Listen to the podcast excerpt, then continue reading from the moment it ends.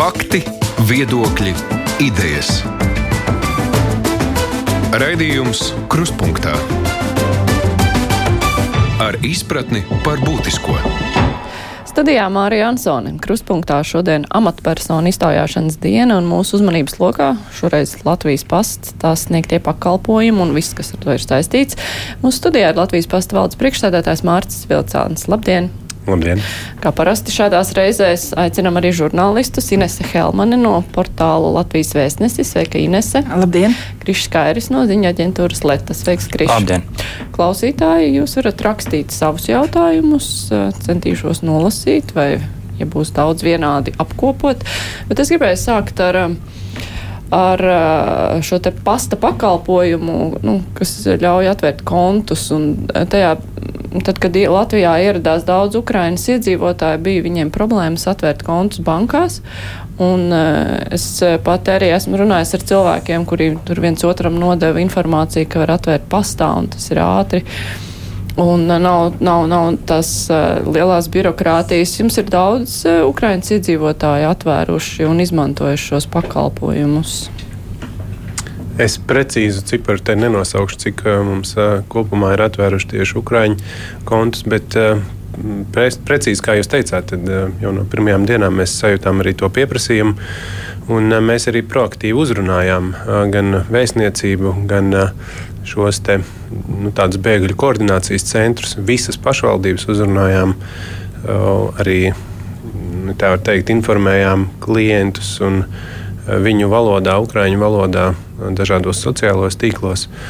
Un, un jā, mums jau nu, no pirmajām šīm dienām mēs redzējām, ka tas kontu skaits būtiski pieaug. Mums bija vienā mēnesī trīs reizes pat vairāk atvērta konta kā, kā pirms šīs pirms Ukraiņu bēgļu Bet tā naudas kustība notika tikai Latvijas iekšienē, jo nu, viņiem vajadzēja arī ļoti šos kontus, gan lai saņemtu sociālo palīdzību, gan darba algu, ja kāds atrod, ja kāds atrod darbu šeit, vai arī tā nauda arī no Ukrainas uz Latviju pārvietojās. Gan, gan. Primāri tas bija noteikti šo pabalstu saņemšanai, bet, bet tā kā mēs arī sniedzam naudas pārvedumus, un arī tie bija bezmaksas uz Ukrainu, tad bija arī kas izmantoja šos. Mm, kolēģi? Nu, šobrīd, kad ir karš Ukrajinā, sakiet, kāda, vai uz, Ukrai, uz Ukrajinu var mierīgi nosūtīt kaut kādas vēstules, un, un arī kā tas ir uz Krieviju un Baltkrieviju? Kāda ir pasta darbība ar šīm trim valstīm? Uz Ukrajinu var nosūtīt, un, un mēs sūtām visu veidu sūtījumus uz Krieviju, un Baltkrieviju tie ir eh, Pasaules pasaules savienības eh, produkti, kuri mums ir jānodrošina kā valstī. Ehm, citus eh, mēs tur nesūtām. Naudas pārvedumu, piemēram, nav uz Krieviju un arī Baltkrieviju. Ehm, bet uz Ukrajinu ir pilnīgi visi pakalpojumi pieejami.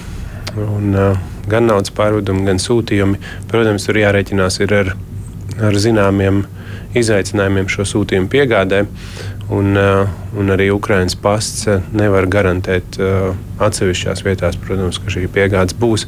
Bet, nu, to jau paši cilvēki arī skatās, kur reģionu viņi sūta, bet darbība notiek. Viss izaicinošākais bija noteikti šis pirmais sākuma posms. Un, Un ka vie, sākumā Ukraiņas pats, pats pateica, kā, ka viņi nenodrošinās. Beigās īstenībā viņi pēc divām dienām mainīja šo lēmumu un teica, ka, ne, ka viņi turpinās darbību un, un uh, nodrošinās cik vien var. Uh, tā kā mēs arī iespēju robežās viņiem palīdzam, arī citi pasti uh, palīdz Polijas pasts. Uh, daudz dara, lai nodrošinātu šo apmaiņu, ņemot vērā to, ka viņiem ir tieši robeža. Um, tā kā um, viņi ir lielā mērā atjaunojuši. Bet kā tā palīdzība var izpausties? Palīdzība var izpausties dažādi. Uh, viens ir gan uh, starptautiskajās organizācijās, arī pasta ar, ar, uh, ar ierosinājumiem, piemēram, samazināt starpvalstu norēķinu maksas. Šis pats piemērs, ko es minēju par naudas pārvedumiem, ka mēs neņemam no Ukraiņu bēgļiem un arī teiksim, neveicam galvu norēķinus ar, ar Ukraiņas pastu šī uh, konkrētajā pakalpojumā, ja tas ir bezmaksas. Um, palīdzība ir ar, ar dažādu loģistikas risinājumu palīdzēšanu, un to arī Ukraiņas pasts ir atzinis gan pat Post-Europe organizācijas ietvaros, gan no Latvijas, gan mēs, gan Air Baltics arī, piemēram, ir devis nozīmīgu palīdzību. Es gribēju pajautāt par uh, lidojumiem. Gaisa telpa virs Krievijas, Baltkrievijas, Ukraiņas šobrīd slēgta. Kā tas ir ietekmējis Latvijas pasta darbību? Droši vien Krievija, nu, kā vislielākā valsts, iespējams, visvairāk. Tas ir ietekmējis ļoti, un uh, mums ir tāda dežavu sajūta ar 20. gadu. Uh, kad arī 20. gads mums ļoti līdzīgi sācās, sākās no daudziem aspektiem. Un, uh, tad, ja nemaldos, 13. martā iestājās Covid. Un, uh, un arī šī avio satiksme tika pārtraukta faktiski visā pasaulē. Uh, Šī gadījumā uh, avio satiksme tika pārtraukta tām lidmašīnām, kas lido no Krievijas vai Krievijas teiksim, kravu pārvadātāji, avio kravu pārvadātāji. Un mūs tas ietekmē, protams, negatīvi tādā ziņā, ka mums šīs tranzīta kravas, kuras mums lido no Ķīnas, Ķīnas partneri to pārsvarā organizēja ar Krievijas kravu pārvadātājiem, kuri bija diezgan lieli spēlētāji šajā tirgu tieši nu, Āzijas, Eiropas virzienā. Tā kā šīs lidmašīnas vairs nevarēja lidot gaisa telpā, tas, protams, ļoti būtiski ietekmēja un, un viņas vienkārši vairs nelidoja. Mm. Ir kaut kāds konkrēts laiks, piemēram, ko mēs varam pielikt, ja bija paciņa Ķīnā. Iepriekš vienā laikā tika saņemta šobrīd saistībā ar jauniem aizliegumiem. Kāds laiks tiek pielikts klāt? Es negribētu šeit jaukt uh, galvu klientiem, jo šie apjomi, kas lidoja pie mums, tie bija pārsvarā tranzīta sūtījuma apjomi. Tur arī bija, protams, Latvijas plūsma, bet 99% uh, tie bija sūtījumi uz citām valstīm. Līdz ar to to nevar tā viennozīmīgi salīdzināt, bet tas, ka kopējās sūtījuma plūsmas atkal tika traucētas, protams, un, un mēs redzējām, ka veidojās sastrēgumi gan Ķīnas pusē, gan izsūtīšana, tika meklēti dažādi apkārtceļi, jo tas jau nav tikai arī šī mūsu plūsmas ietekme, tas arī vēl citas plūsmas, protams, ietekmē un arī citas tranzīta risinājums un, lika, un, un radās šis iztrūkums pēc šāda veida kravu nodrošinātājiem. Bet, bet visi, protams, meklē dažādus apkārtnes ceļus un risinājumus, kā to risināt.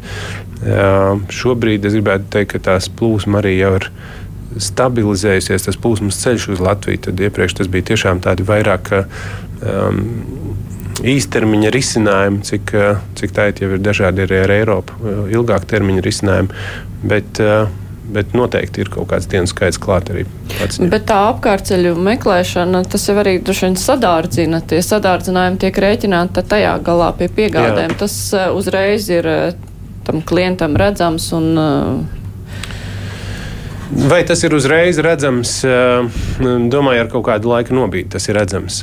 Jo, jo nu, uzņēmumi jau rēķinās, ka var būt dažādi īstermiņa arī sadārdzinājumi un izaicinājumi, meklē šīs iespējas. Bet, protams, ja tas paliek ilgtermiņā, tad tas atsaucās uz, uz šīs preces cenu. Um, tā kad, jā. Es gribēju vaicāt par uh, sankcijām pret Krieviju. Kā tas ir ietekmējis pasta darbību? Nu, tā nozīmē, ka droši vien ir kaut kādas lietas, kuras nevar sūtīt. Vai varbūt ir vēl kaut kas, jo jūs minējāt par šiem naudas pārvedumiem, kuri nenotiek, kā vēl nav. Um, naudas pārvedumi ir. Uh, Nu, klienti paši ir būtiski arī samazinājuši to apjomu, jo mēs arī sākotnēji to teicām, ka uh, tas tiks uh, vērtēts. Bet nu, šī pasaules pasta savienības plūsma mums ir jānodrošina, bet apjoms ir nokrities uh, ļoti būtiski gan no, gan, gan no Krievijas. Bet kaut kādi ierobežojumi ir, ko nevar sūtīt. Jo ir, ir cilvēki, nu, mums eh, klausītāji jautājums arī ir, kas notiek ar, piemēram, sūtījumu, kuru nevar piegādāt. Acīm redzot, tur ir pieredze kaut kāda, ka ir kaut kas pasūtīts, nu, Krievijas internetu veikalā, un kaut ko nevar piegādāt. Vai tas, tas ir, būt... nevar piegādāt uz Latviju? Jā. Un kur tas viss paliek? Vai... To es nevarēšu nokomentēt, jo tas ir eh, Krievijas eh, puses atbildība. Un, eh, un mēs jau to pat neuzzinām īstenībā šajā gadījumā, kad viņi kaut ko nepiegādā mums. Tā, tas ir jājautā pat nu, jebkurā gadījumā tas būtu jājautā tam internetu veikalam, lai viņi komentē šo. Bet ir kaut kādas sankcionētas lietas, kuras nevar sūtīt, kuras nevar, piemēram, pasūtīt. Nav pat vērts, jo tāpēc, mums nav vairs sadarbības šais jomās. Un, Un cilvēkiem vienkārši pašiem jāsako līdzi, lai to.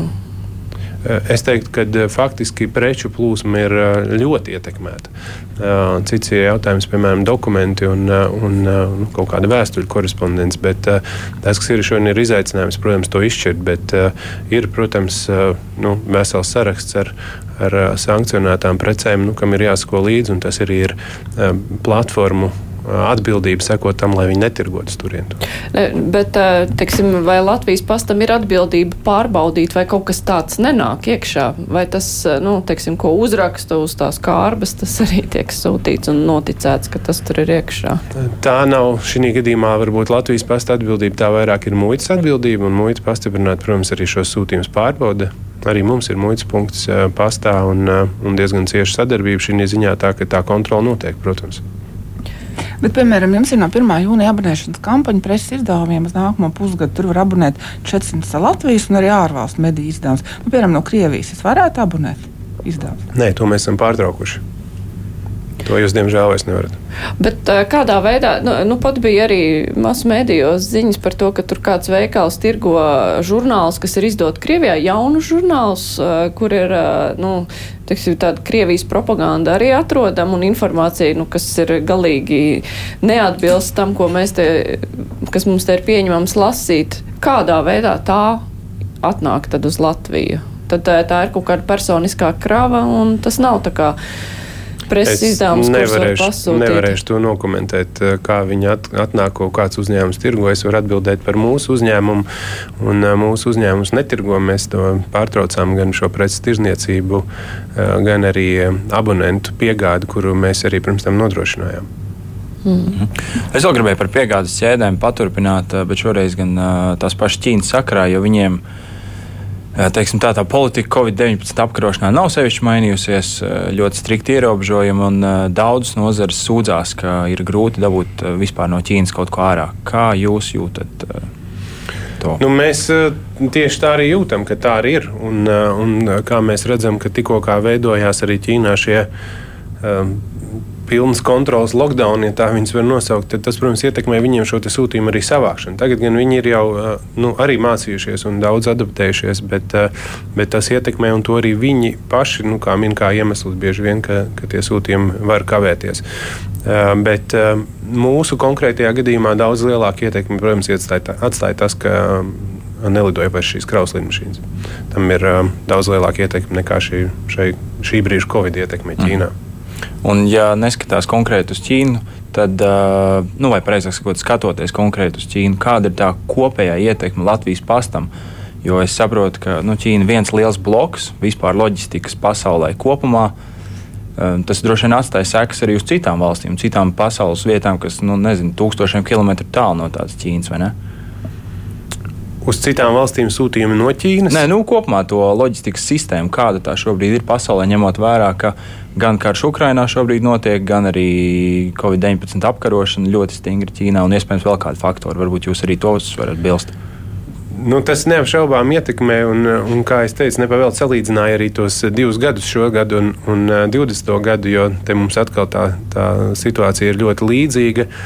Um, COVID, par COVID, Ķīnas Covid ietekmi uz citām valstīm nu, es līdzīgi domāju, kā mums. Man nav šeit kaut kāda konkrēta fakta, bet tas ietekmē pilnīgi visus, un Latvija šeit nav izņēmums. Tā ka jā, tas ir vēl viens izaicinājums, ka mums šie apstākļi summējās. Un, un, nu, mēs esam spiesti ar to cīnīties un meklēt risinājumus. Šobrīd, kad uh, Latvijā un arī Baltijas valstīs inflācijas uh, rādītāji nu, ir augstāki arī nekur nekā tālāk uz rietumiem, vai tas ir jūtams uh, preču piegādēs, jo cilvēkiem arvien vairāk pasūta kaut ko tur, uzskatot, ka nu, pasūtīt no kaut kur Vācijas vai Francijas vai Lielbritānijas ir lētāk ar visu sūtīšanu nekā pirkt šeit. Vai jūs jūtat piegāžu apjomos to, ka cilvēki vairāk kaut ko Mēs to jūtam, bet diemžēl pilnīgi pretēji. Ja, es domāju, ka tā ir tieši tā ietekme, ko jūs minat, gan inflācijas, gan jaunie rēķini, cenas degvielas uzpildes stacijās. Un tas nav tikai, ka mēs jūtam, visā Eiropā ir krities būtiski šobrīd sūtījuma apjoms visiem spēlētājiem, visām platformām. Un, es domāju, ka tam ir vistiešākais sakars. Vai šī dārdzība var kaut kā atsaukties arī uz Latvijas pasta tarifiem? Noteikti. Nu, tie tarifi jau mums nav atrauti. Un, uh, un viņi nav atrauti, nu, jo tarifi tiek veidoti arī uz kaut kādu izmaksu bāzes. Un, un uz mums jau šie inflācijas procenti, jeb degvielas cenu pieaugums tieši tādā pašā mērā attiecās.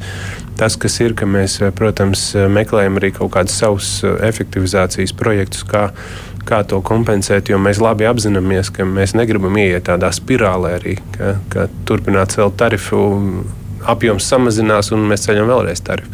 Tā, tas ir tāds nu, tuvāko divu gadu noteikti izaicinājums. Bet uh, tuvāko divu gadu izaicinājums, uh, nu, kurā brīdī tad uh, var parādīties kaut kāda lēmuma ierosinājums, nu, ka mums ir jācep, jāceļ šie tarifi? Vai par to tagad tiek domāts? Vai... To mēs, šobrīd mēs par to domājam katru gadu. Mēs esam Um, ja atceraties, tad 20. Um, gadā tieši arī mēs pirmo reizi pārskatījām tarifus uh, ko mēs nebijām darījuši 15 gadus. Tad mēs katru gadu, protams, skatāmies arī, lai, lai mēs būtu atbilstoši, un to arī sagaida regulators no mums, uh, lai, lai tas tarifs būtu atbilstoši arī mūsu izmaksām. Tā kā mēs reizi, uh, tā kā reizi tas arī būs pusgadā tieši arī veiksim šādu pārreķinu un, un skatīsimies, kāds ir kādas būs šīs potenciālās tarifu izmaiņas. Kad tas pārreikins varētu parādīties? Es domāju, ka uh, augustā, septembrī tas būs. Un par kādiem procentiem mēs varam aptuveni šobrīd runāt? Nevaram. Tā būs spekulācija. Mm. Nu, būtu, būtu bezatbildīgi no manis šajā gadījumā spekulēt. Mēs vēlreiz uzsvēršu, mēs apzināmies tos izaicinājumus, mēs redzam, kas notiek ar cenām, bet uh, mēs arī meklējam uh, sev iekšējos dažādas efektivitātes projektus, kā mēs varam to mazināt. Jo mm, nav mūsu interesēs celt cenu. Bet vai tas, šī brīža situācija ar inflāciju un cenu kāpumu skars arī rudenī abonēšanas kampaņu, kam gatavoties preses izdevējiem un arī lasītājiem?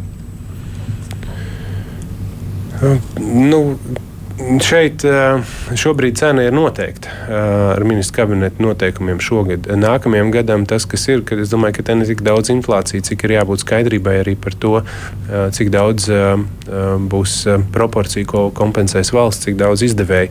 Tas, es domāju, tas būtiskākais jautājums, un tad inflācija ir droši vien izdevējiem pašiem nu, kā mainīsies papīra cena vai viņa darba spēka uh, izmaksas. Uh, tas ir vairāk tas, kas viņus tieši operatīvi mums un, un, un tomēr industrijai kopumā ir, ir tieši svarīgāk šī proporcija. Bet runājot par šiem iespējamiem sadārdzinājumiem, tad kas ir tas lielākais sadārdzinājums tieši šī degviela pārvadātās visas preces un preces izdevums un vispār, ja tas ir tas vislielākais vai arī, es nezinu, par algām. Algas jau arī minimālā alga tiks celta un uh, minimālās sociālās iemaksas, un tas viss jau tiek rēķināts iekšā. Kas ir tas uh, smagākais? Jūs faktiski jau nosaucāt galvenās komponentes. Eh, procentuāli droši vien šobrīd ir degviela, bet viņa nav ar tik lielu īpatsvaru, bet nu, mums degviela ir pietiekami liela uh, izmaksu pozīcija, bet algas ir uh, un darba samaksas ir, protams, lielākā. Un, un, uh, Un tas mums ir jādara jebkurā gadījumā. Arī. Pie inflācijas tas ir vēl lielāks spiediens un, un vēl, vēl lielāka nepieciešamība. Tā kad jā, šīs ir divas noteikti galvenās komponentes. Bet tad pasta darbiniekiem ir cerības tikt pie lielākām algām arī šīs lielās inflācijas apstākļos? Um, es nekad nemētājos ar solījumiem pa algām. Un, un, darbinieks, starp citu, nesen tika. Ehm, bet eh, tas, kas ir mūsu stratēģijā, ka mums ir vidējā darba samaksa jāceļ, un mēs to arī turpināsim. Mm -hmm. Par uh, algām vēl paturpinot, uh, kāda tā konkurence šobrīd ir vai nozarē, vai nu, kopumā, iespējams, vispār Latvijā. Vai Latvijas pasts ar savām algām šobrīd ir konkurētspējīgs, un jūs to redzat tīri pēc uh, darbiniekiem, kas vēlas pie jums strādāt? Um, mums ir, mēs droši vien esam uzņēmums ar uh, ja ne lielāko, tad vienu no lielākajām dažādu profesiju skaitiem Latvijā. Un, un mēs arī mēram, protams, katru šīs profesijas, nu, gan šo tirgus mediānu, kāda ir vidējā cena un kā, kā izskatāmies mēs.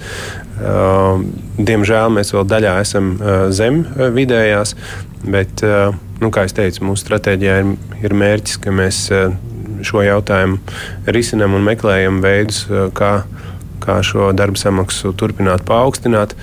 Bet nu, ir arī atsevišķas pozīcijas, kur mēs esam arī tirgus līmenī. Bet cīņa par darbiniekiem tas nav mainījies. Viņi ir joprojām un, un visi cīnās par talantiem, par spēcīgiem cilvēkiem. Tā, tā ir jau tāda ikdiena. Kā ar Ukrāņu darbiniekiem? Ir pieņemti? Mums ir, ir atsevišķi, bet es precīzi tagad skaitu nepateikšu, mm. bet ir, ir atsevišķi. Jums pagājušajā gadā bija vēsturiski lielākais apgrozījums pār 100 miljonu eiro. Nu, tagad jau būs gandrīz pusgads šogad. Kā izskatās šis gads? Atkal man jāsaka, līdzīgi kā 20. gadā ar tām prognozēm, mēs esam šobrīd ļoti piesardzīgi, jo pirmie divi mēneši sākās izcili. Bet pēc 24. februāra tās mūsu prognozes daudz kur sabruka, un, un mēs arī dabūjām pārtaisīt no jaunu šī gada budžetu kas nav tāda ikdienas eh, praksa katru gadu. Eh, mēs viņu esam arī veiksmīgi apstiprinājuši. Nu, šobrīd ir izaicinājums to budžetu arī sasniegt. Budžets Bet, ir lielāks nekā pagājušā gadā plānotais? Nē, budžets nav lielāks. Budžets ir mazāks, protams. Mums uh, klausītājs raksta, Vācijā pa 4,95 var sūtīt paciņas līdz 10 kg, kuras ir arī pa 200 eiro apdrošināts. Nu, cik šāds sūtījums izmaksātu La Latvijā, Latvijas pastā? Tas, acīm redzot, ir tāds mājiens, ka uh, Latvijas pasta šie tarifi un pakalpojumi uh, būtiski atšķiras no tā, ko citas valsts piedāvā, ka Latvijā tas ir dārgāk. Jā, bet ir grūti droši vien salīdzināt. Uh, katru valsti, un te būtu jāskatās, uh, un, un vai mēs gribam salīdzināt. Te es varu atbildēt, varbūt citu piemēru. Mums ir, piemēram, pakumā sūtījumi, kur šobrīd ir pa 2 eiro. Uh, nu, kāds gadījums ir individuāli, bet, uh, bet uh, tas, kas noteikti ir Vācijā un uh, um, kas uh, būtu jauki, ja būtu mums, viņiem ir daudz lielāks apjoms. Um, un uh, pie tādas fiksēto izmaksu bāzes un pie tā, ka mēs esam ļoti tomēr, tāds liels infrastruktūras uzņēmums, tad tad apjoms ir viens no priekšnoteikumiem, lai mēs runātu par labāku cenu. Un tieši tāpēc es iepriekš minēju to, ka mēs domājam arī, kā un laužam galvu šobrīd, kā izvairīties no šī spirāles efekta, ja mums apjoms samazinās un inflācijas spiediens liels, lai, lai, lai to cenu noturētu. Jūs iepriekš minējāt, ka, nu, domājot par tarifiem, jūs arī droši vien nestarpsiet karstu, saprotot visu to situāciju, un ka ir iespējami kaut kāda iekšējās efektivitātes pasākuma. Kas ir iekšējās efektivitātes pasākumi, uz ko tur var vēl ietaupīt? Nu, tie ir ļoti daudz, un, uh, un mums ir vēl ļoti daudz procesu jāpilnveido. Dažus var pieminēt pēdējos, uh, ko mēs esam pēdējos gados paveikuši. Viens ir uh, šī šķirošanas automatizācija, kas pirms tam bija pilnīgi manuāls darbs, kur, kur iekārt šodienas apstākļos gan kā, laižot pa, pa lenti sūtījumus, vienlaicīgi noskanē, nosver, nomēra dimensijas, Eh, reģistrē uzreiz šo sūtījumu un vēl sašķiro pēc tam attiecīgi. Nu, pirms tam tās bija vismaz četras manuāls atsevišķu cilvēku darbības. Eh, viens piemērs. Otrs piemērs ir piemēram eh, planšeta telefons. Šobrīd katram pasniegam ir, ir planšeta telefons. Arī pasta nodaļās ir planšets, kur jūs par sūtījumu saņemšanu parakstieties elektroniski. Kurjeram ir tieši tāds pašs.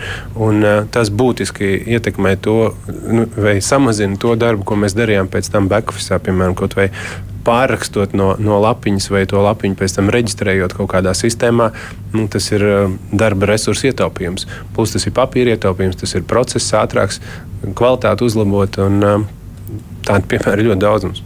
Jā, bet tas izklausās, ka tas ir tāds uh, uz tā vispārējā fona neliels ietaupījums. Vai? Nē, nu, ņem, ja mums ir, ja mums ir desmit miljonu sūtījumu gadā, un mēs katru sūtījumu vinējam minūti tad uh, tas ir ļoti liels ietaupījums. Un naudas izteiksmē, kā un to var viegli pārrēķināt. Pēc tam paņemam mūsu video algas, rēķinam uh, tā, ka uh, mēs arī tā to projektu arī rēķinam un, un meklējam, un tā mēs viņus arī, teiksim, prioritizējam. Tad mums ir viens tāds projekts, varbūt, ko es ļoti daudz vēl negribu stāstīt, bet kā tiešām arī šo pārsniegt darbu padarīt efektīvāku pilsētās, arī kontekstā ar preses piegādi. Jo tur ir nu, tā situācija ir kardināli pamainījusies, kāda viņa bija desmit gadus atpakaļ, vai neskatoties pat 20 gadus atpakaļ. Uh, bet tās, tā, tas galvenais princips, jeb modelis mums ir bijis nu, ļoti līdzīgs joprojām. Un, un to mēs tiešām gribam mainīt, padarot varbūt nošķirtāku bez kontakta un tur, kur ir nepieciešams kontakts, tādu veidu sūtījums. Mm. No jūsu pieminētajiem efektivitātes pasākumiem lielākā daļa ir tāda ilgtermiņa izklausās, nu, kur ir nepieciešama ilgāka pārdomāšana, arī droši vien pasūtījumi, piemēram, šiem planšetdatoriem. Vai ir kaut kādi pasākumi, ko var ieviest ļoti, ļoti īsā termiņā, lai, piemēram, šajā brīdī jau konkrēti samazinātu izmaksas? Nu, mums, ir ļoti, mums ir vesela strīpa ar tādiem, un, un tur ir gan ilgtermiņa, gan arī īstermiņa. Uh, īstermiņa ir piemēram dažādu sūtījumu apstrādes sistēmas uh, ieviešanas pabeigšana, kas mums ir arī noslēguma fāzē, ir, kur arī uzlabojas process. Mēs varam uh, vairāk sūtījumu šķirot ar šo pašu iekārtu, un tie ir uzreiz momentāli liegumi. Vakar, piemēram, mums bija pasākums ar uh, Printful, mūsu vienu no lielākajiem klientiem. Arī tur mēs esam viņu priekš viņu sūtījumiem faktiski pilnveidojuši procesu, pārveidojuši ar viņiem, sinhronizējot to. Un, mums ir izdevīgi, jo mēs varam ar mazākiem resursiem šos sūtījumus ātrāk apstrādāt, savukārt printfuls iegūst ātrumu, protams. Printfulam pēc 72 stundās jūs varējāt piegādāt uz Vāciju. Ja? Viņi, viņa preces viņi bija par to ļoti laimīgi. Jā, nu to jūs prasiet viņiem, bet es, es ceru, ka viņi tāpat teica. Jā, jā, bet jums ir arī līdzīga sadarbība ar citiem uzņēmumiem, kurā jūs pamatā, es saprotu, ar autotransportu uz Eiropu nogādājat preces. Gan, gan, gan avio, gan uh, auto. Uh, šis piemērs bija konkrēti par auto, bet uh, kur mums vajadzēja arī tiešām iekļauties. Tas bija tāds pietiekami ambiciozs uzstādījums uh, šīs 7-2 stundas, un tas ir gala klientam, nevis uh, vēl līdz kaut kādam apmaiņas punktam uh, Vācijā. Uh, mēs arī dažādas vietas testējām, uh, jo nu, arī jāskatās arī pēc tam šis Vācijas uh, apstrādes. Uh, centru caurlaidības ātrums un, un nu, tie kvalitātes rādītāji. Tā kā mēs, protams, arī to domājam arī priekš citiem klientiem, bet uz šādiem lieliem mēs varam, pirmkārt, viņi mūs vairāk izaicina, otrs, ka mums ir arī apjoms, ar ko to izaicinājumu pieņemt. Un, un, nu, jo tikko kā ir apjoms, tā ir daudz vieglāk šāds projekts arī norealizēt. Es atgādināšu klausītājiem, Latvijas televīzijas skatītājiem arī, ka šodien kopā ar mums ir Latvijas pasta valdes priekšsēdētājs Mārcis Vilcāns, arī Ines Helman no portāla Latvijas vēstneses un Krišs Kairis no ziņa aģentūras Leta. Un turpinājumā mēs vairāk pievērsīsimies arī klausītāju jautājumiem. Tie diezgan daudz sarakstīti. Tūlīt turpinām. Raidījums Krustpunktā. Klausītāja vaicā, viņa raksta jautājums piezemētāks, kāpēc pastu Jelgavas nomalē piegādā pusē pieciem vakarā pastā paskaidroja pasnieku skaits optimizēts. Tā optimizācija var būt saistīta ar šo te minimālajām sociālajām iemaksām, kas uz pastu diezgan attiecās, jo jums daudz darbinieku, nu, kuriem nesanāk tā pilnā slodze. Nu, kad, kad mēģināts tur samazināt darbinieku skaitu un palielināt viņu slodzes, tas ar to varētu būt saistīts ar šiem, šīs te vēlās piegādes. Nu, jūs atkal lielā mērā atbildējāt jautājumu. Tad, uh, lai mēs dabūtu slodzi, tad uh, slodze ir nu, no 9 rītā līdz uh, 6 vakarā. Lai mēs visiem nodrošinātu 7 no rīta, tad mums ir vēl vairāk mazas slodzītas vajadzīgas. Un, un tādējādi vienlaicīgi arī pasniegam nenodrošinot pilnu samaksu. Tā, kad, nu, šie tie, tie izaicinājumi, kas ir jāņem vērā. Uh, ja nemaldos, tas bija Jēlgavas novads, nevis pilsēta. Uh, pilsētā tas ir, es ceru, ka ātrāk. Bet Jālgavas nodā, jā, mēs arī tādu solījumu nedodam nevienam, ka mēs nu, lauku teritorijās spēsim to izdarīt astoņos no rīta, un to arī zina izdevēji. Nu, tas ir arī mūsu līgumos ar izdevējiem. Bet nu, arī pilsētu teritorijās nu, ne visur pastnieks atnāk, spēja atnākt ļoti agri. Tā ir tā realitāte, ar ko būs jārēķinās turpmāk? Tā ir tā realitāte, varbūt, kas ir šobrīd, bet tas projekts, ko es pieminējos iepriekš, tas ir arī kopā arī ar izdevējiem un arī ar, ar tipogrāfijām, ko mēs gribam kopā norealizēt, lai sadalot varbūt tās šos jomas, mēs spētu arī ne tikai rast efektivitāti, bet arī rast ātrumu. Un, Pirmais pilota projekts mums ir šobrīd uzsācies. Viņa rezultāti ir nu, rezultātu analīze ir gaidām jau augustā. Ja mēs šos visus komponentus būsim sasnieguši, mēs noteikti ar to iesim tālāk uz priekšu. Um, klausītāji arī ir uzrakstījusi, viņa gan nav precizējusi, no kuriem, par kuriem pagastiem ir runa, bet pastu nolikvidēja, vēstules nav kur iemest, blakus pagasts ir 12 km turp, 12 atpakaļ. Ļoti grūti bez pasta. Kopā esam trīs pagasti bez pasta. Tā, nu, pasta nodaļu optimizācija tā ir kaut kā saistīta ar administratīvu teritoriālo reformu, vai tas notiek pilnīgi atsevišķi? Nu, skatieties attālums kaut kādus paši. Nu, mēs ņemam vērā, protams, mēs ņemam vērā, un mums ir kriteriji, kas ir jāievēro. Uh, regulātori noteikti kriteriji, cik ir jābūt pastnodaļām uz uh, vai nu iedzīvotāju skaitu pilsētā, vai nu šo administratīvo teritoriju. Uh, jāsaka, ka mēs šos kritērijus arī rūpīgi izpildām, un uh, par to mums nekādu pārmetumu nav. Tikai bet, no, tikai jā, no cilvēkiem. Bet, bet es saprotu, jā, ka no cilvēkiem tas ir tas izaicinājums, un mēs bieži vien arī ar pašvaldībām to mēģinām risināt kopā. Mums ir bijuši šie projekti, kur, kur pašvaldībām mēs sniedzam šo pakalpojumu, un tādas vietas joprojām ir nu, stundu dienā, piemēram. Bet šobrīd mm, šajās vietās ir noteikti pasniegs, kas ir pieejams pēc izsaukuma. Un to es gribu uh, atgādināt, un, un cilvēki var noteikti zvanīt uz zvanu centru un arī par to interesēties un pieteikt. Un, uh, un viņiem nebūs nekāda papildus samaksa, lai saņemtu šādu pakalpojumu, kas pat varbūt ir izdevīgāk nekā iekļauties šajā vienā stundā, trāpīt arī uh, mazas nodaļas vai, vai darba vietas faktiski apkalpošanas laikā. Pasniegs pēc izsaukuma tas ir, es gribu nosūtīt vēstuli, es pasaucu pasnieku vai? Jā.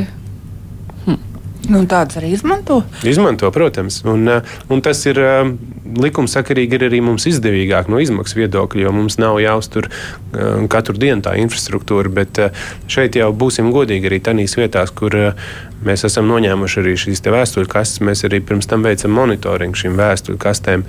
Ir vēstuļu kastes, kur nedēļa nav neviena vēstule. Un mēs, bet, ja ir vēstuļu kaste, mēs esam spiest katru dienu viņu pārbaudīt. Nu, jo, ja nu gadījumā viņi ir, tad mums viņi ir zināmā kvalitātes laikā jāiekļaujas un jāpiegaidā.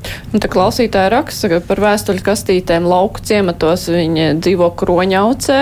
Dobels novadā tur noņēma vēstuļu kastīti, vietēji ir nepatīkami pārsteigti. Atbild no Latvijas pasas saņēma, ka pēc noteikumiem katrā pagastā uz katriem 4000 iedzīvotājiem jābūt vienai vēstuļu kastītei. Vai tiešām tas izmaksā tik dārgi, ka jāsamazina šādu kastīšu skaits, ja pasniegs tik un tā izvedā pastu, vai nav iespējams tās pārreiz nedēļā, pārreiz nedēļā iztukšot?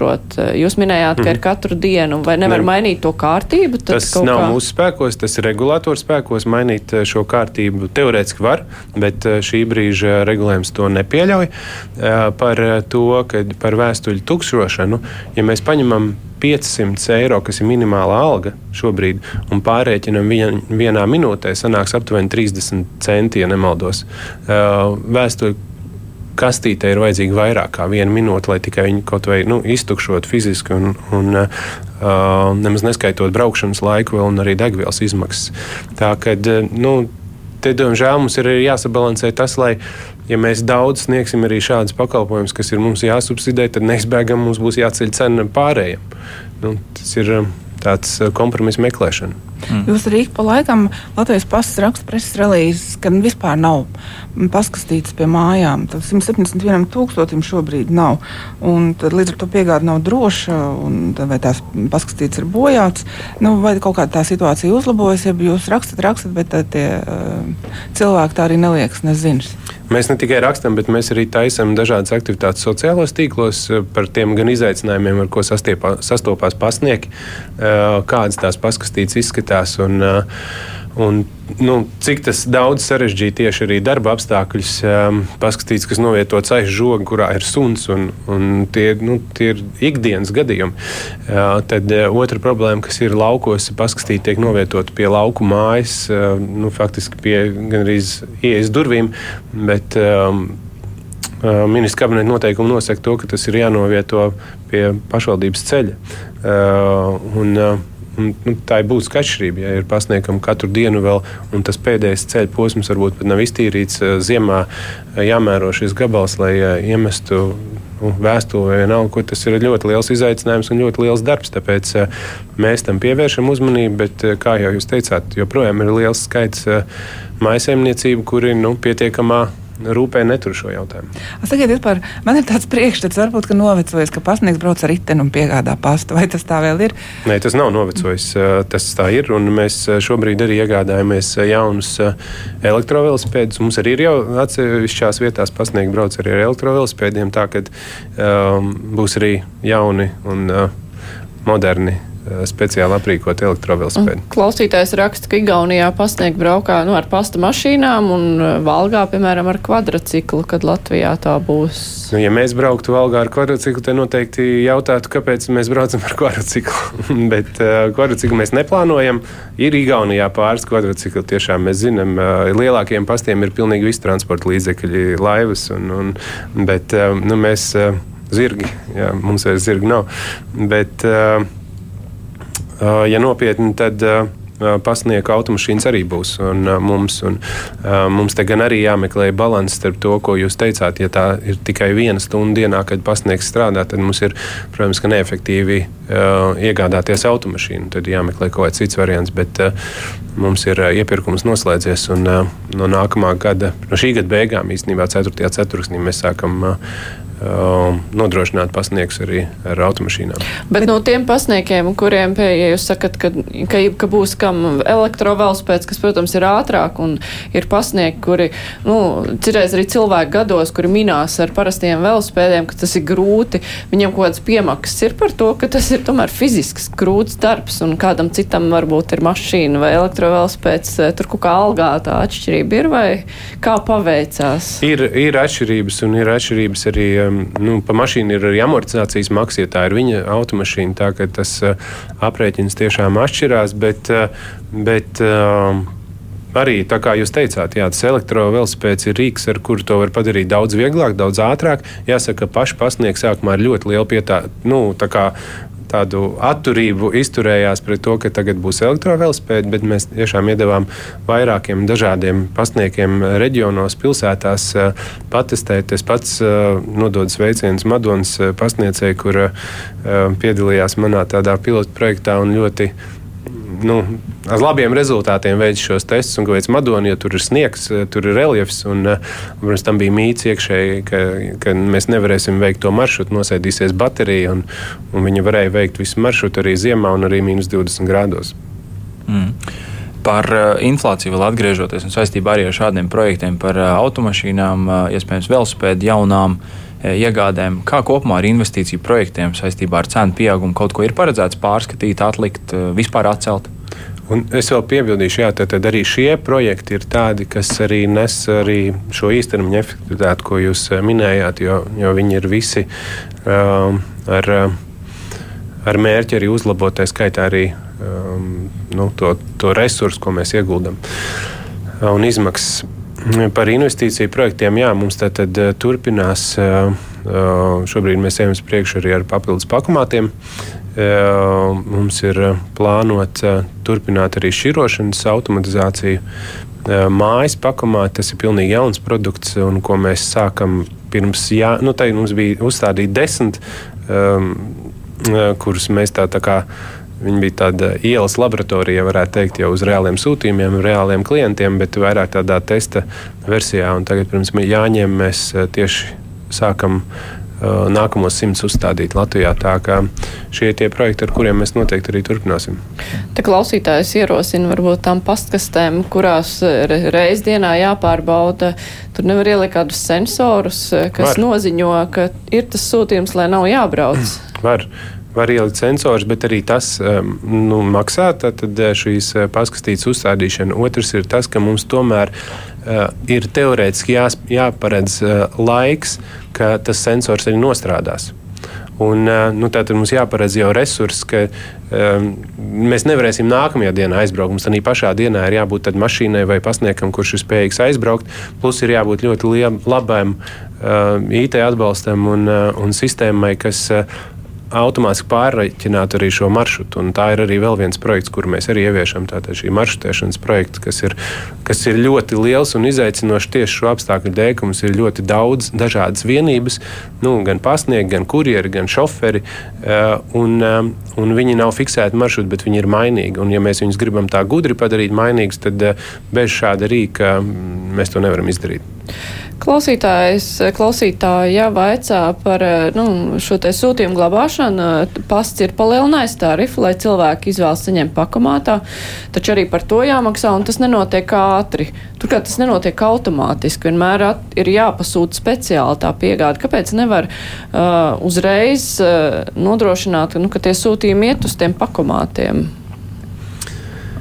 Atsevišķi sūtījums noteikti var, un uh, ekspresa pasūtījums uh, klients var izvēlēties uzreiz uh, šo izņemšanas vietu, bet, uh, bet tiem, kas ir um, tie tradicionālie un īpaši vēl pārobežu sūtījumi, kurus mums nosūta nosūtītāja valsts kā zināmu produktu, mums ir arī zināma kārtība, kā viņš pat ir nu, jāpiegādā. Tas izklausās pēc tādas drusku atrunāšanās, bet tas ir bijis viens no apstākļiem, lai mēs arī saglabātu savus kvalitātes uh, standartus un atskaites uh, pret citu valstu pastiem un arī pret Pasaules pastu savienību. Bet, bet es uzreiz papildināšu, nu kā sūta kaut ko no tās pašas Ķīnas lietu, atnāk īziņa, jums ir atnācis sūtījums, varat iet uz pasta nodaļu vai arī tur samaksāt un uz pakomātu. Un tad uh, var pārvirzīt uz to pakumātu, un tad uh, viss atceļās, visas tie augstie standarti. Ne, jo...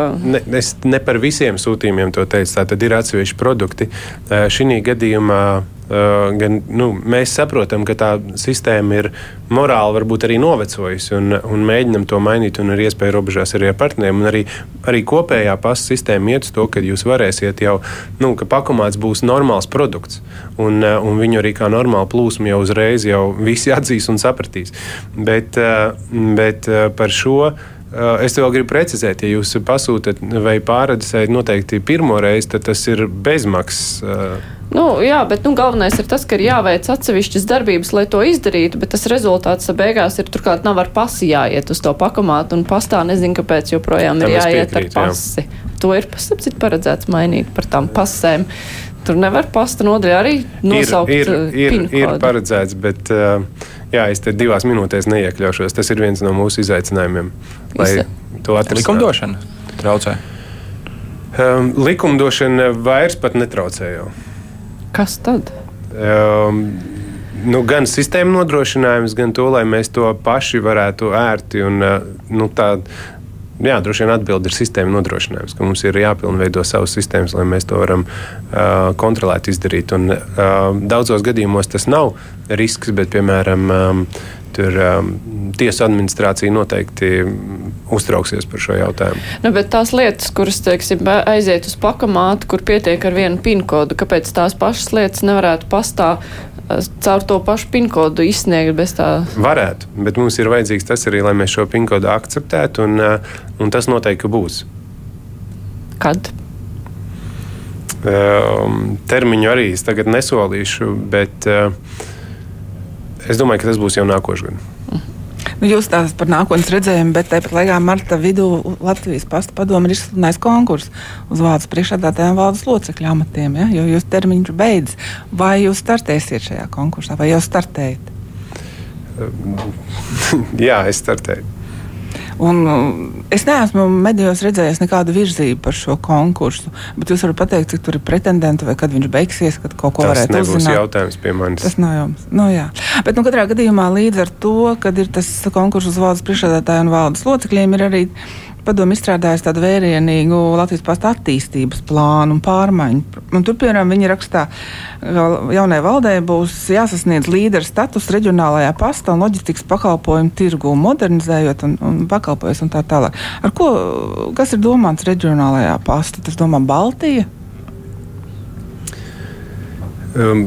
Nu, droši vien arī tas jājautā, varbūt precīzi padomē, ko viņi ir konkrēti domājuši. Bet, ja jūs konkursā, bet, nu, tad jā, jums tas redzējums būs jāizpilda. Bet noteikti arī klienti uh, redz Baltiju kā daudz kur vienotu tirgu, protams. Uh, pirms arī šī te, um, nu, Ukraiņas kara sākuma mums bija ļoti spēcīgas pozīcijas arī reģionā, kas ir pat drusku tālāk kā Baltija, tajā pašā Baltkrievijā, Ukrainā. Um, bet uh, nu jā, šobrīd uh, šīs, uh, šīs pozīcijas, protams, ir ietekmētas. Bet, ja jūs būtu, nu, piemēram, uzvarēsiet tajā konkursā, nu, kas būs tas vislielākais izaicinājums, lai izpildītu to valdes redzējumu? Es domāju, redzējumu? ka primāri nodrošināt labu pakalpojumu Baltijā. Un tad, tad vē, nu, tomēr izplatīties Baltijā. Jā. Mums jau arī tagad uh, ir risinājumi. Uh, ļoti labs risinājums ir Igaunija, piedodiet, Lietuvā. Ar Igauniju ir grūtāk, tur ir um, ierobežotāks arī tirgus spēlētāju skaits. Un, um, bet, uh, bet jā, tas ir jānodrošina. Mm. Bet, nu, kādās piemēram, pakalpojumu sfērās jūs tieši esat spēcīgi Baltijā? Jūs Šeit ir noteikti runa par paku sūtījumiem, te neiet runa par uh, vēstulēm vai, vai presi, nu, kas mm. ir uh, lokāls produkts. Lokāli, jā. Par uh, atmuitošanas kārtību un sistēmu nezinu, kad jau pirms kāda laiciņa stājusies uh, spēkā. Vai ir redzams, ka sūtījumi no trešajām valstīm kopējais skaits ir sarucis pēdējā laikā? Nu, tas pēdējais laiks ir no pagājušā gada 1. jūlija, un, kad bija, ja tā teikt, apvērsums pas, pasta pasaulē, pasaules kārtībā, un, un visām trešajām valstīm tika ieviesta gan ieved, nu, ievedmuļi no pirmā centa, kas iepriekš bija 22 eiro slieksnis, bet uh, ir arī tā aizberga neredzamā daļa, ko faktiski tikai redz uh, um, nu, nozares uzņēmumi, kad bija, tika mainīti arī visu datu apmaiņas mehānismi, tika mainīti uh, gan šie teiksim, muitas kodi tika ieviesti, gan arī tas satura daudzums, kas bija jānodod pirms tam muitai jau priekšlaicīgi, pirms sūtījums ir varbūt tās pat saņemts. Un tam uh, visam bija jābūt elektroniski, nu, no jebkuras trešās valsts.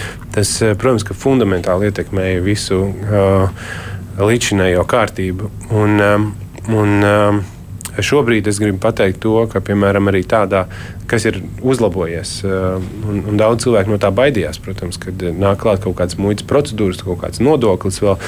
Bet, uh, Šobrīd, ja cilvēks pērk kaut ko AliExpressā, tad viņš faktiski šo muitas uh, papildus nodokli samaksā, PVN samaksā uzreiz pirkuma brīdī. Un, uh, līdz 150 eiro vērtībā, un saņemot šo preci Latvijā, nekādas papildus darbības nebūs jāveic, un, un reiz saņemt tikpat ātri.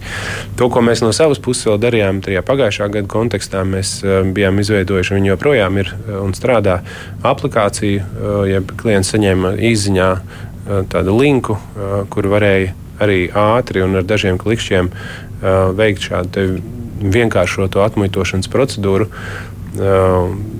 manuprāt, par ļoti uh, pieticīgu cenu. 88 centi tie bija. Un, uh, Un sarežģītākiem atkal mēs palīdzējām. Sarežģītākos gadījumos mēs palīdzējām arī ar tādu pakalpojumu, kas mums ir šis muitas brokers. Mm. Jūs minējāt, uh, AliExpress tas ir viens konkrēts piemērs, ar ko Latvijas pastam ir līgums. Ja tā, tad varbūt ir paredzēts arī ar citiem lielākiem uzņēmumiem slēgt līdzīgus. Mums ir nav konkrēti ar AliExpress līgums, bet mums ir, protams, šī tranzīta ietvaros, tranzīta projekta ietvaros. Mums ir ļoti cieša sadarbība arī ar viņu citu grupas uzņēmumu, kas ir ceņā. Bet, bet to es minēju to, ka um, joprojām mēs nezinām īstenībā tā pilnīgi konkrēti visu platformu sarakstu, kura ir uh, saņēmuši šo saucamo AIS numuru, kas ir reģistrācija Eiropas Savienībā, lai varētu iekasēt uh, šos uh, nodokļu maksājumus. Un, uh, Un šī ir tāda viena, kur, kur mēs noteikti zinām, ka viņi visiem saviem tirgotājiem to prasa, un to var diezgan droši teikt. Vakardien, piemēram, bija patērētāja tiesības atsardzības centra pētījuma prezentācija, kurā tieši teica, ka tām tiešais tirdzniecības platformām apmēram 75% preču, ko patērētāja tiesības centrs nopircis, ir neatbilstības kaut kādas. Vai jūs redzat, ka cilvēki mazāk izmanto iepirkumus internetā, jeb tas tā nenotiek? Jā, mazāk. Nu, atkarībā no kura perioda mēs salīdzinām. Ja pagājušā gada kontekstā, ka, protams, tas jūlijas ietekmēja un, un šīs jaunās izmaiņas desmitkārtīgi nokrita. Apjoms no trešajām valstīm saņemto sūtījumu apjoms, un, un ne tikai mums, arī citām valstīm. Um, šobrīd, savukārt, ko mēs redzam, tad, tad kopējo sūtījumu skaitu ietekmē nu, cenu kāpums un, un, un jā, šis sadārdzinājums. Klausītājs raksta, ka veci cilvēki nevar bez maksas uzzināt konta atlikumu, ja grib noņemt summu, bet nepietiek līdzekļu kontā jāmaksā divreiz. Domāju, ka mēs neesam neko mainījuši, un uh, konta atlikumu var uzzināt izziņā. Uh, pirmās divas izziņas, um, ja nemaldos, ir bezmaksas mēnesī. Tad divas izziņas klients var saņemt bezmaksas mēnesī. Katra nākamā bija, var samelot, bet liekas 9 centi. Tāpēc ieteiktu klientam zvanīt uz zvanu centru un, un precizēt šo. Te. Oh, vēl viens ļoti praktisks jautājums. Kāpēc pastkastēs joprojām nevar ievietot C4 aploksnes, tās nesalokot? Kauns atzīties, bet vienmēr man jūg tie formāti. Bet, uh, nu, laikam iet runa par, jā, par tā, es apmēram zinu formātu. Bet, uh, tas pats arī, ka bieži vien nu, tās arī paskastes mums nedara. Un, un, ja tur vēl ir kaut kādi citi materiāli, bet tas ir pirmais, kas nāk prātā. Bet nav tāda uh, sistēma mums, ka mēs viņus speciāli locītu, vai, vai, vai, vai būtu kaut kāds algoritms, kā ievietot tieši šādas pastkastē, šāda izmēra uh, formāta pastkastē. Te vēl ir jautājumi par pasta aplikāciju. Piesakoties rindā, bija ērti, vienmēr darbojās par to, kas ir tagad, ir slikts atsauksmes. Kaut kāds binārī kūnā esmu izmantojis. Tas bija INO. Jā, mēs tātad bijām pirmie Latvijā, kuri nodrošināja iestāšanos rindā attālināti caur aplikāciju. Un, un klienti to novērtēja ļoti augstu. Manuprāt, joprojām novērtē, bet es pārbaudīšu, varbūt ir kaut kādi traucējumi arī šobrīd. Man nebija tāda informācija. Jūs ik pa laikam rīkojat publiskās izsoles, kurās izsolat nevajadzīgos savus nekustamos īpašumus. Tiesa gan, man liekas, viņi ir veci, tiesa gan ar mazām cenām jums īpaši neveicās.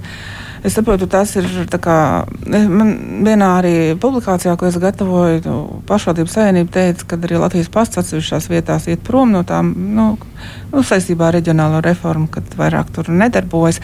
Vai ir tā, ka jūs uh, ejat prom no tiem reģioniem, līdz ar to tās uh, no ēkas vai ēku daļas pārdodat izsolēs?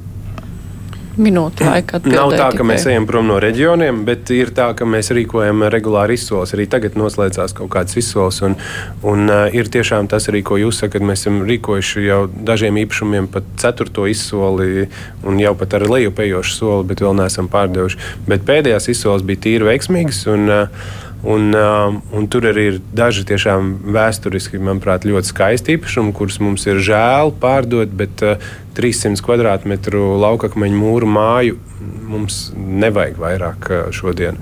Un, protams, tas ir izaicinājums viņu uzturēt. Tā kā mēs ceram, ka jaunie saimnieki rūpēsies un uh, uzturēs kārtībā arī šīs ēkas. Bet tas nav tā, ka Latvijas pasis slēdz savus nodeļas reģionos.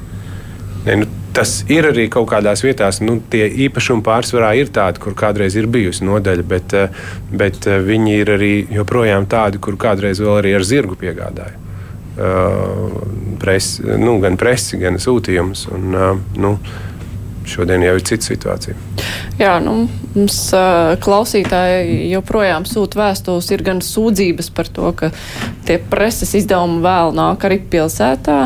Ir uh, arī sūdzības par to, cik nērti ir nopirkt pasmaru, ka to nevar izdarīt un aizsūtīt vēstuli ilgi nāk, bet nu, tas ir tās lietas, ar kurām nu, šeit, vienmēr mēs esam saskārušies šajos raidījumos. Vienu vēstuli gan visu nenolasīšu, bet no bērsgales lūdzu uzteikt vietējās pasta darbinieces. Es gribēju nobeigt ar pozitīvu noti, es... esot ļoti labas un smaidīgas. Ja var pēdējo, tieši mums šonadēļ ir gada darbinieku pasākums, kur mēs suminām tieši gan vislabākos pasniegus, gan pasnodaļu operatorus klientu vērtējumā. Un, uh, Un es redzu, ka katru gadu šis anketu skaits, ko mēs saņemam, ko cilvēki iesniedz par kādu no darbiniekiem, turpina pieaugt. Un, man liekas, pa pagājušo gadu ir ap 12,000. Tas ir ļoti liels cipars. Jā, nu tad no Bērsgals pagasta Rēzeknas novada arī ir labas atsauksmes. Ja nu kas.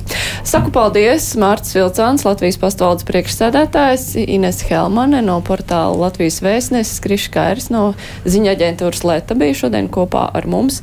Kruspunktā ar to arī izskan raidījuma producenti Revija Junāma, savukārt studijā bija Mārija Ansone. Visu labu!